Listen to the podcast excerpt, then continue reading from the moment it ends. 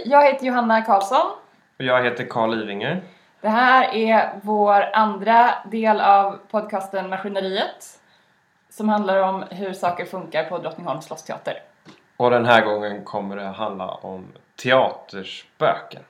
Och inte vilka teaterspöken som helst, utan våra teaterspöken. Och eh, för att berätta allt om det så har vi med oss vår stora spökauktoritet Åsa Tillman som är Hej. vår kollega. Hej Åsa! Hej! Eh, berätta vem du är och varför du kan allt om spöken. Ja, kanske inte allt om spöken, men jag har jobbat här sedan 1990. Och då träffar jag väldigt mycket olika människor. Och då har jag upptäckt att vissa människor har varit med om vissa spökerier, för det har faktiskt hänt. Och då är det vissa som har varit med om samma spöken, fast de inte känner varandra.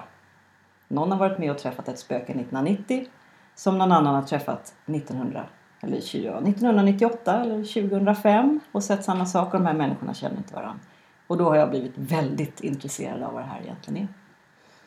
Men eh, du då, har du sett några spöken? Ja, ja, jo, jo det har jag gjort. Berätta. Ehm, Jag har ju sett den här, jag har varit med om saker. Jag har aldrig sett spöken rakt upp och ner. Det har andra gjort. Ehm, Jag har varit med om situationer när jag har sett dörrhandtag vridas. Till exempel, som är en klassiker här på teatern. Det vet jag att du har varit med om Karl. Ja. Maskineriets dörrhandtag. Precis, och jag har varit med om ett annat. Och då tillbringar jag hela sommaren sen med att försöka sätta det handtaget i spänn och få det att röra sig en gång till. För jag söker alltid en förklaring till saker och ting.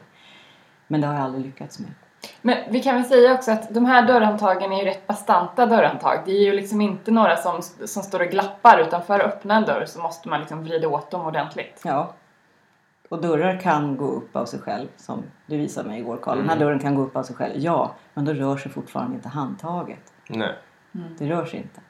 Eh, Och jag har sett det med egna ögon. Och då undrar jag, och det är fler som har gjort samma sak. En annan spökeri som jag tycker är intressant här, det är Den grå mannen. Berätta mer om Gråmannen. Eh, mitt första, min första erfarenhet av Den grå mannen, det var tidigt 90-tal. Eh, jag kom ut hit på teatern på kvällen för att hämta upp en kollega. För jag hade bil, det hade ingen annan på den tiden. Så jag sa jag tar med mig hunden och så åker jag ut och så går jag en promenad och sen så säger jag till dig att vi gör sällskap hem. Jättebra. Jag kommer in, tittar in genom dörren och frågar har du jobbat klart? Ja, jag har jobbat klart. Jag ska bara kolla att huset är tomt. Så jag står där i dörren och väntar. Och plötsligt så sätter sig min hund på rumpan och ylar rakt upp, ser ut som snobben. Så här, oh! eh, och samtidigt så kommer min kollega springande i 300 knyck. Helt förfärad. Och jag försvinner ut genom dörren. Han försvinner ut genom dörren. Jag frågar vad var det som hände? Jag måste gå. Då visar det sig att samtidigt som min hund ylar så ser han den grå mannen i en av logerna. Och då hör han min hund yla. Så då undrar han vad är det för fel på det? För vi känner varandra väldigt väl och den här hunden har aldrig någonsin ylat innan och den har aldrig någonsin ylat efter. Jag trodde inte ens hunden kunde göra det. Så han vänder sig om och tittar i den riktningen väldigt omotiverat. Den riktningen som jag är. Eh, och när han tittar tillbaka då är den här mannen borta. Han tror ju när han tittar först att det här är en av kollegorna som inte har gått hem än. Premiärdansaren har inte klätt av sig och gått hem. Så han säger till honom det är dags att gå hem nu. Och så hör han min hund yla. Och när han tittar nästa gång är logen tom. Så säger historien. Och då blir han ju väldigt skrämd förstås. Hör den här hunden i bakgrunden. Och det är första gången som jag stöter på att någon har sett en man på teatern i den här grå kostymen som man kan ta för svenska dräkten i grått. Det är första gången. Då kan vi ju berätta att den svenska dräkten var en eh, typ av hovdräkt som man hade på 1700-talet här. Det är alltså inte en, en Nej, typisk folkdräkt. folkdräkt, nej. Utan folk som var här ute på den här tiden hade den här dräkten på sig oftast. Och det är ju fler som har sett den grå mannen. När jag började jobba här då pratade alla om Karin. Och det känner ni säkert också Ja. igen. Ja, berätta om Karin. Ja, har ni några berättelser om Karin? Nej, alltså jag fick höra när jag började här eh, att Karin var en person som hade dött i teaterbranden. Den här byggnaden som står här nu, som är Drottningholms slottsteater just nu, den byggdes ju 1766. Och innan den kom till så fanns det en annan teater på samma plats som brann ner. Och eh, det var ett antal personer som dog i den här branden. Bland annat sägs Karin var en av dem. Och eh, Hon har ett rum på teatern. Mm. Och, Där man måste knacka innan man går in. precis. Annars går Mm. allting käpprätt åt helvete. Mm. Så det är väldigt viktigt att man knackar. Ja. Det har hänt nämligen en Ja. säsong när allting gick käpprätt åt helvete. ja.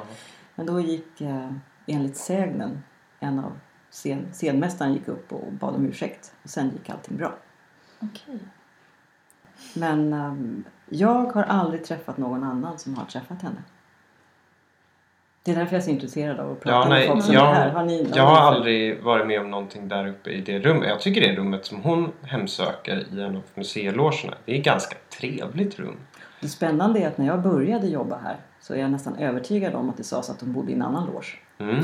Nej men det, det skulle inte förvåna mig för att det här eh, dubbelrummet, av Mm. museilogerna, alltså en- museiloge som är vanligtvis som små, ganska små och de är en slags singelrum men det här är alltså ett dubbelrum så det är dubbelt så stort som andra museiloger.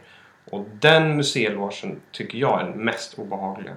Det här är så spännande för att jag gör ju en del guidningar med, med VIP-människor bakom scenen som får då komma bakom. För det får man ju inte göra som vanlig besökare här på Drottningholm. Eh, Men jag har en del teaterprofessorer och så. Vi går upp och vi går runt och så kommer vi in där. Och igen så ser det ut som någon har legat i sängen. Mm. Och nu har jag som grej att varenda gång jag är där så slätar jag ut det. För nu vill jag se hur det här egentligen går till. Och varenda gång jag är tillbaka. Det kan vara bara två dagar emellan så ser det igen ut som någon har legat där. Det är en väldigt fin grop efter kroppen, det är en väldigt fin grop efter huvudet i kudden. Och så går jag där och puttar ut det igen. Mm. Och Och så det ser det är- likadant ut igen. Det är alltså i en av Det är logerna den här bakom scenen. bakom scenen där uppe. Det är här som Mm. det stod en gammal harpa där en gång i tiden. Ja. Så när jag växte upp här på 90-talet då kallades det för harplogen. Okej. Och nu är det dubbellogen. Mm. Men det är min lilla hobby. Jag går och slätar ut den här kudden. Ja. Och någon, något fenomen är det väl som gör att den alltid sjunker i mitten. Den har legat där sedan 1760-talet så att Mm. kanske att det Jag, får har väl, andra förklaringar. jag får väl bi- bifoga en, en karta så man kan se vart allting ligger i teatern. En En, spökkarta. en spökkarta. Mm.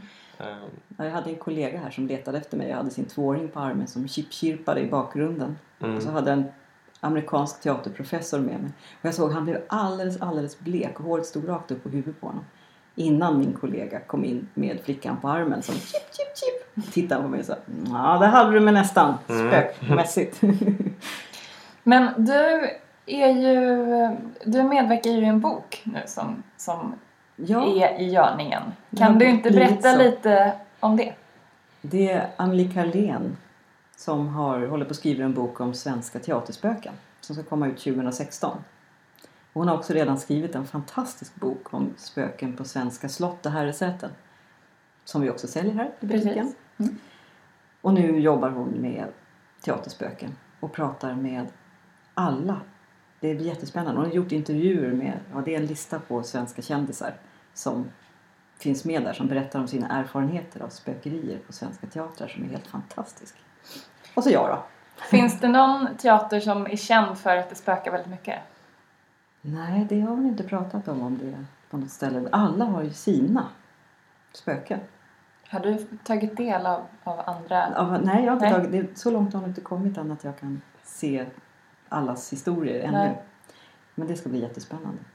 Kungliga Operan ska ha någon, någon primadonna av något slag som hade bränt ansiktet av sig Mm. på scenen. Som är en lite läskig berättelse som jag hörde på radio och någonting sånt. Så det, det fin, där vet jag att det finns väldigt mycket spöken. Men det känns lite konstigt eftersom det är sån, en ung byggnad. Det känns som att... Fast det där verkar inte som att det gör någon skillnad. Nej. När man pratar med folk. Det är så roligt när jag är ute på konferenser så träffar jag folk från hela Europas teatrar. När du är på dina spökkonferenser? Ja, det är ju inte spökkonferenser då egentligen för att Drottningholm leder eh, den nordiska gruppen för någonting som heter Nordic Root of Historic Theatres där vi samlar alla historiska teatrar i Norden. Och det finns 15, 12-15 olika grupper av det här så vi är 120 historiska teatrar som är sammankopplade i ett stort EU-projekt. Det är det största EU-projektet Mm. de har inom kultursektorn på EU. Och när vi träffas en gång om året så kan man ge sig katten på att det tar inte mer än ungefär 10 minuter. Så börjar folk prata. Vad har du varit med om på din teater? Vilka spökerier har du varit med om? Och det är på något sätt som att det är helt legitimt att säga det till mig för jag har redan profilerat mig som halvgalen. Ehm, det berättade Emily Karén också väldigt intressant. Att det var lite svårt när de började skriva sin första bok om spöken. Ehm, för att folk ville inte prata om sina upplevelser. Men så var det några som tog, stod i bräschen och sa men jag har sett spöken och jag kan berätta. Och då vågade alla andra berätta också. Ehm, hon ska med en bit i sin bok. Vi pratade lite runt omkring det här. Jag sa jag har alltid varit så intresserad av den psykologiska bakgrunden till varför folk ser spöken. För jag är fortfarande inte övertygad om att de finns, inte på något sätt. Utan jag skulle vilja ha en, en psykiatrikers förklaring. Varför ser man spöken? Så jag tror att hon har den vinklingen på boken också. Det ska bli några kapitel där man försöker förklara. För i boken om slottsspöken så, så avslutas den med ett antal experter. Precis, som ska Och- prata. Så det kommer ju bli intressant om de lägger in den vinklingen Väldigt intressant. Det finns ju ett fenomen här på teatern som vi är flera som har varit med om. Och det är att man hör sitt namn ropas. Just det. Och jag tänkte att jag är bara trött, jag jobbar för mycket. Jag hör den här mansrösten ropa mitt namn när jag går på ett speciellt ställe i teatern. Och så skojar jag lite om det och det är tio år senare och säger ja, det var ju jag med om. Gud vad trött jag var då så att jag började höra röster. Eh, Men då sa min kollega, men det har jag också varit med om. På exakt samma ställe. Och jag trodde samma sak. Och då tänker man, ja hur förklarar en psykolog det här då? Vi båda upplever exakt samma sak på exakt samma ställe. Men om du säger att du fortfarande inte tror på... Eh, om du fortfarande inte är helt övertygad. Du är ju ändå lite av vår spökexpert här på teatern. Vad, vad är det som krävs för dig för det skulle få dig helt övertygad om att Jag det skulle i finns så spöken? fall vilja ha någon som står framför mig. Jag skulle vilja, träffa, jag skulle vilja själv se den här gråmannen. Jag vill inte se handtag som vrids eller smäll. Det smäller ju ofta när man går ensam i teatern. Jag är ofta ensam i huset. Har varit väldigt mycket förut när jag eh, jobbade mycket kväll. Och man var ensam och man hämtade saker och man bar saker och det gjorde man ju ofta ensam i huset. Så man hör grejer. Eh, det, det, det är också så här, vad är det hjärnspöken eller är det smäller någon som stänger, stänger en bildörr på parkeringen till exempel. Det kan mycket väl låta som att det är någon som smäller i någon dörr inne på teatern. För det är ju inte en modern glasfattning på våra fönster här utan det kommer ju in ljud hela tiden. det låter ju verkligen som folk är i byggnaden när de bara står utanför och pratar. Det Precis. Det, har ju fått mig att bli lite rädd då och då när jag bytte om i teatern. Faktiskt. jo, så det, det händer ju. Om man, och just det här bildörrstängande, när folk slänger igen en bildörr på parkeringen. Det kan uppfattas som att en dörr slår inne på teatern. Så det har jag genomskådat. Mm. Men nej, men då skulle det vara någon som står framför en, verkligen. En person. Men om du fick välja en person då ur teaterns historia som skulle uppenbara sig och spöka för dig, vem skulle det vara då? Ja, men det är inte svårt. Det är ju väldigt lätt. Jag skulle satsa absolut högst. Absolut högst. Jag skulle absolut vilja träffa Gustav III. Jag ser framför mig att sitta Mm. i en loge där. Jag vet inte om ni har läst Spöket på Canterville av Oscar Wilde. Mm. Där sitter ju Virginia och pratar med spöket på Canterville som får då chansen att förklara sig. De sitter där i, i höstmörkret i det här rummet och tittar ut över trädgården. Och det, det skulle jag vilja göra. Jag skulle sitta så här som vi sitter nu runt ett bord med Gustav III och få fråga allt jag någonsin har undrat om honom. Det som man inte kan läsa i böcker. En så otroligt spännande person. Är det någon du inte skulle vilja träffa in i teatern? Ja, det kan man väl räkna upp. Nej, det vet jag inte. Nej, men alla upplevelser som folk har haft. Och som sagt, jag samlar de här Mm. berättelserna som jag hör på ett lite speciellt ställe i mig. Så att jag, jag fyller på den här kassen med, med berättelser som jag hör hela tiden. Det är att ingen har varit med om någonting som har varit skrämmande när det väl har hänt. Ja, alla har, många har känt den här obehagskänslan. Det som har varit vanligt här är att man känner en väldig obehagskänsla att nu ska jag gå hem. Det har de flesta varit med om någon gång. Mm. Och det tror jag är ganska mycket hjärnspöken också. Men jag har också fått Mm. väldigt, väldigt bråttom ut några gånger. Men det är aldrig någon som har varit med om någonting som har varit hotande eller obehagligt. Däremot så är det några som har blivit rädda av själva upplevelsen. Mm. Jag har ju sett kollegor som har stått och darrat och någon som har stått och klappat på axeln och sagt ja, ja, ja, Mm. det blir nog bra. Och det är den här grå mannen som dyker upp gång på gång. Mm. Jag har fortfarande kvar att träffa den person som säger att de har sett Karin.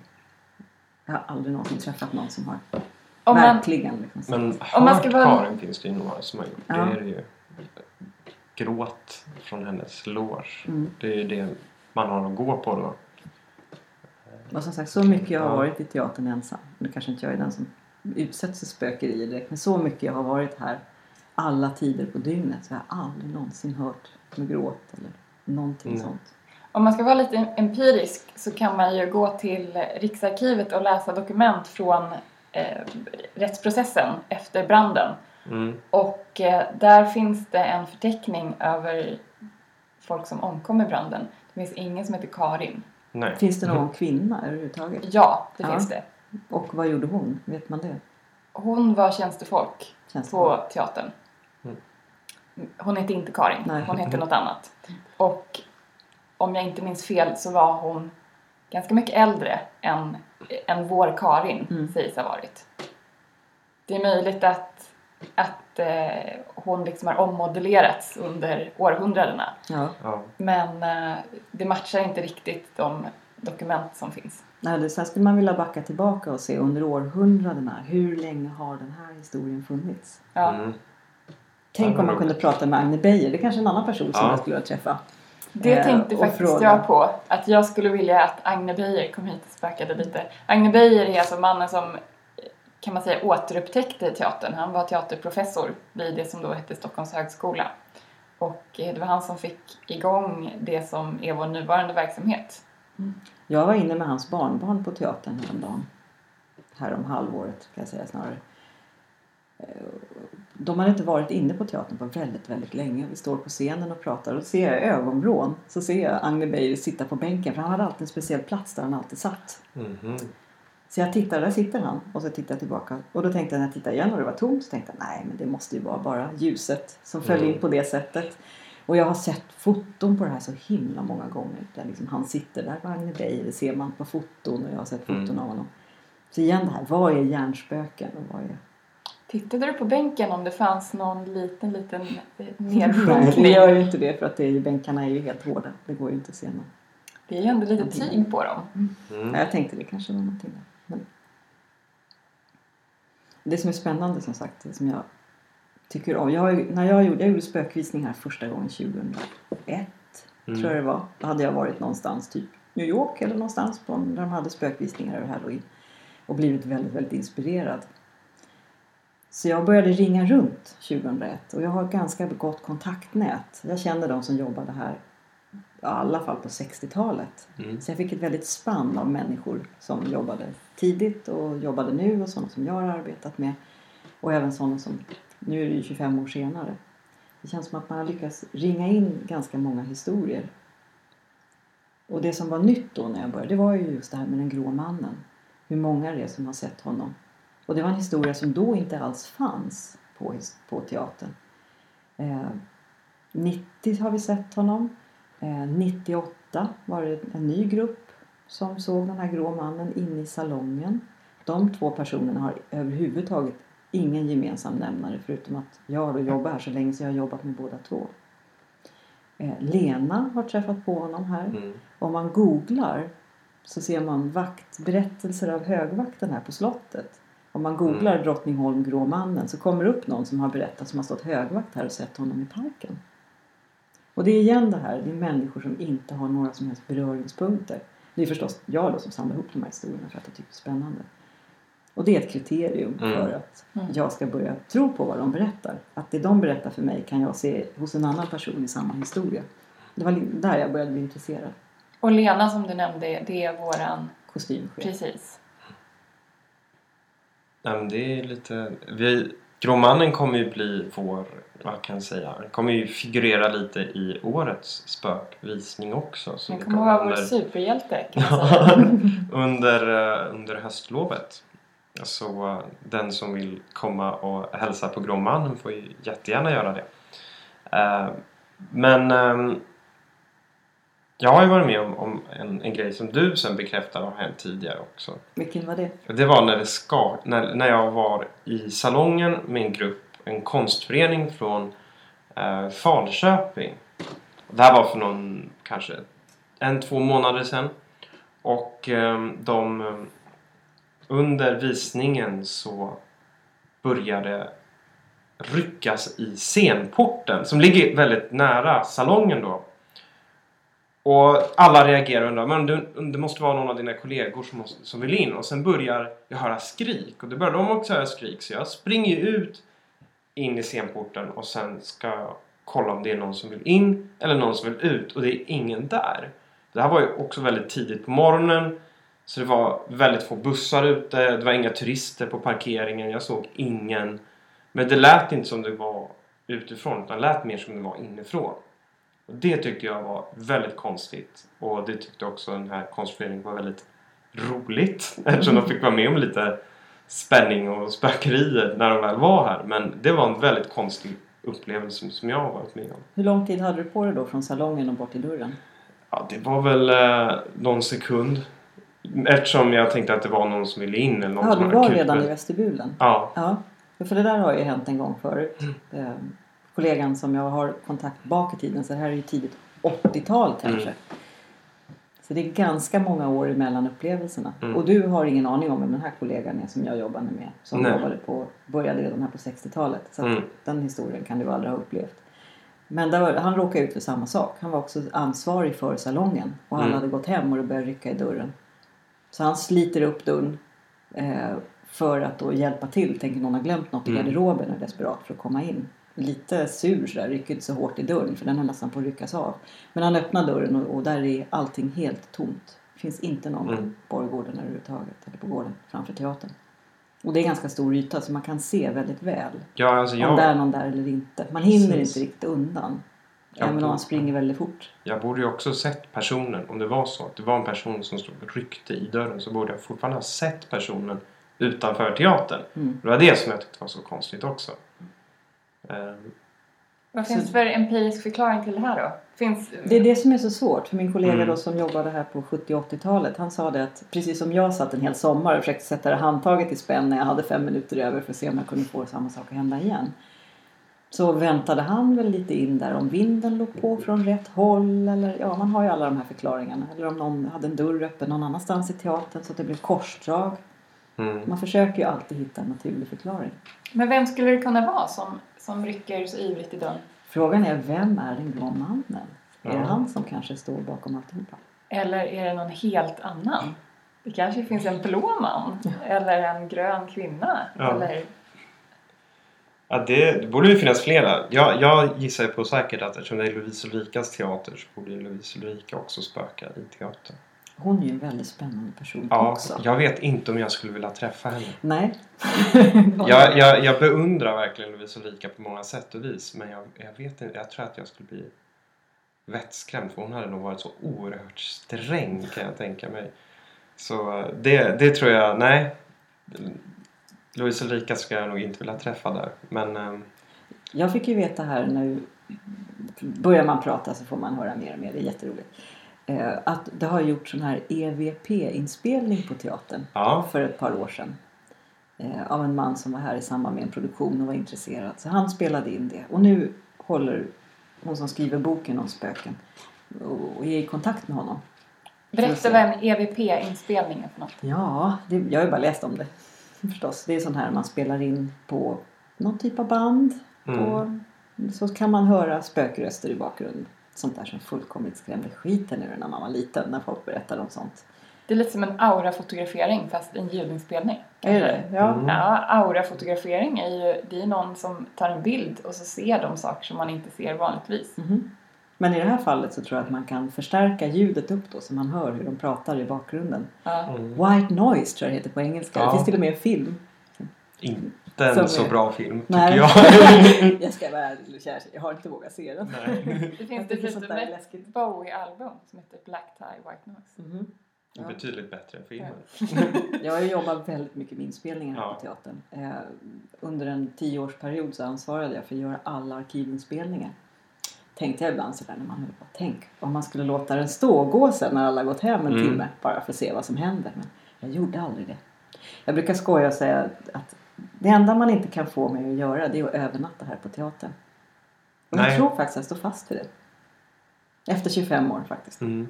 Jag har kollegor som bara, ja jättegärna, det vore så roligt. Jag menar, vi gör ju inte det, man övernattar inte här. Men Nej. om någon frågade mig, vill du? Jag fick frågan här i ett sammanhang och jag sa fortfarande nej. Jag Står du fast inte. vid det oavsett vad du blir erbjuden?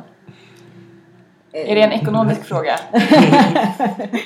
Inte för, frågan inte för att vi har några resurser att liksom eh, testa det här, men, men Nej, det finns vissa saker jag aldrig skulle göra ens för en miljon kronor, men det skulle jag nog göra. Jag skulle övernatta här för det. Vad, vad skulle det krävas?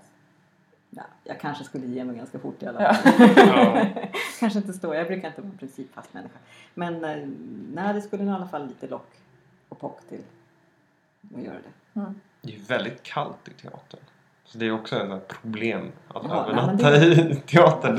Man får sova på sommaren Ja. kanske. Ja, eller jag har ju varit där alla tider Mm. på året. Och jag menar hur mycket när man har jobbat väldigt mycket så passar man på när man ändå är ute och så sticker man in vid elva tiden Mm. en höstkväll för att bära ut en inspelningsutrustning eller plocka in det i bilen när man ändå är här. Mm. För vi hade ju kontoret inne i stan förut. Så då blev det ofta att man passade på att utnyttja tiden. Man gick en sväng med hunden i parken och sen klockan 11 gick man hem, in och hämtade alla noter eller allting som skulle in till kontoret och så slängde man in det i bilen. Så jag har varit här alla tider på dygnet. Men just att övernatta här. Mm. Men spöktimmen finns ju inte. Alla Nej. som har sett någonting här, det är ju inte så att det är mellan 12 och 1, då rasslar det igång. Utan alla som har sett saker, det är ju när som helst. Mm. Sen finns det ju många som har sett saker som jag inte tror ett dyft på. Berätta, vad, vad är det? Nej, men jag började ju då när jag började samla in alla de här historierna. Så var jag otroligt eh, själv, jag, jag var en dömande människa. Mm. Folk jag pratade med som alla ville ju då berätta sina historier. Men jag kände direkt, vissa historier, det här är så uppåt väggarna så det här tror jag faktiskt inte på. Och Det vad här var det? känns inte som att det... Ja, de har jag redan glömt. För att det kändes för mycket. Det fanns ingen... Ja, som sagt. Ja, jag vet inte. Men vad är det som krävs för att det ska kännas trovärdigt?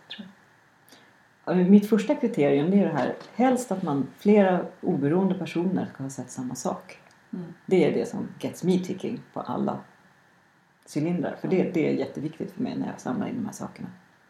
Att, som, som det här Mm. med, med dörren till exempel. Att det har hänt två personer. Och du har ingen aning om vem den här personen är som har råkat ut för det Nej. tidigare. Så där är det på något sätt jag som är länken för att jag har hört båda historierna. Och likaså den grå mannen.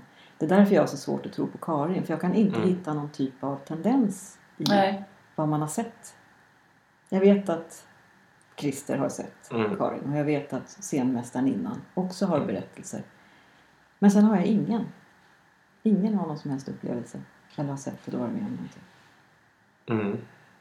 Och då, då, då börjar jag... Mm. Har du något tips nu då in, inför vår spökvisning? Vi kommer ju köra spökvisning under höstlovsveckan, vecka 44. Vi börjar på lördagen innan och håller på till ja, hela veckan. Vi kommer ha tre spökvisningar om dagen. Mm. Klockan 11 är det lite mindre läskigt. Klockan 13 mellanläskigt. Och 15 superläskigt. Mm. Som när man går och köper mat i thaikiosken och man får välja mellan en, två, tre kilo frukter. Här får Ja. man välja mellan en, två, tre, ett, två, tre spöken. Och vi kommer alltså köra det här rätt, rätt snart. Mm. Åsa, vad har du för tips till oss så att vi inte gör de riktiga spökena arga? Ja, jag tror du ska fråga vilket tips man ska ha som besökare. Och det är ju keep an open mind. Mm. Det tror jag är. Men man kan uppröra teaterspökena, jag vet inte. De är ju ganska snälla allihopa. De är ju det. Ja. De har varit det hittills. Vem Och- vet om man... Det är Ja. trappan här. Är det Fredrik Adolf som kommer? Vi vet inte. Det här får bli lite av en cliffhanger. Ja. Det får bli vår, vårt eh, sista ord helt enkelt. Mm. Tack för att ni lyssnade. Vi är tillbaks i slutet av oktober med, en, med ett nytt avsnitt. Hej då! Precis. Hej då! Boo!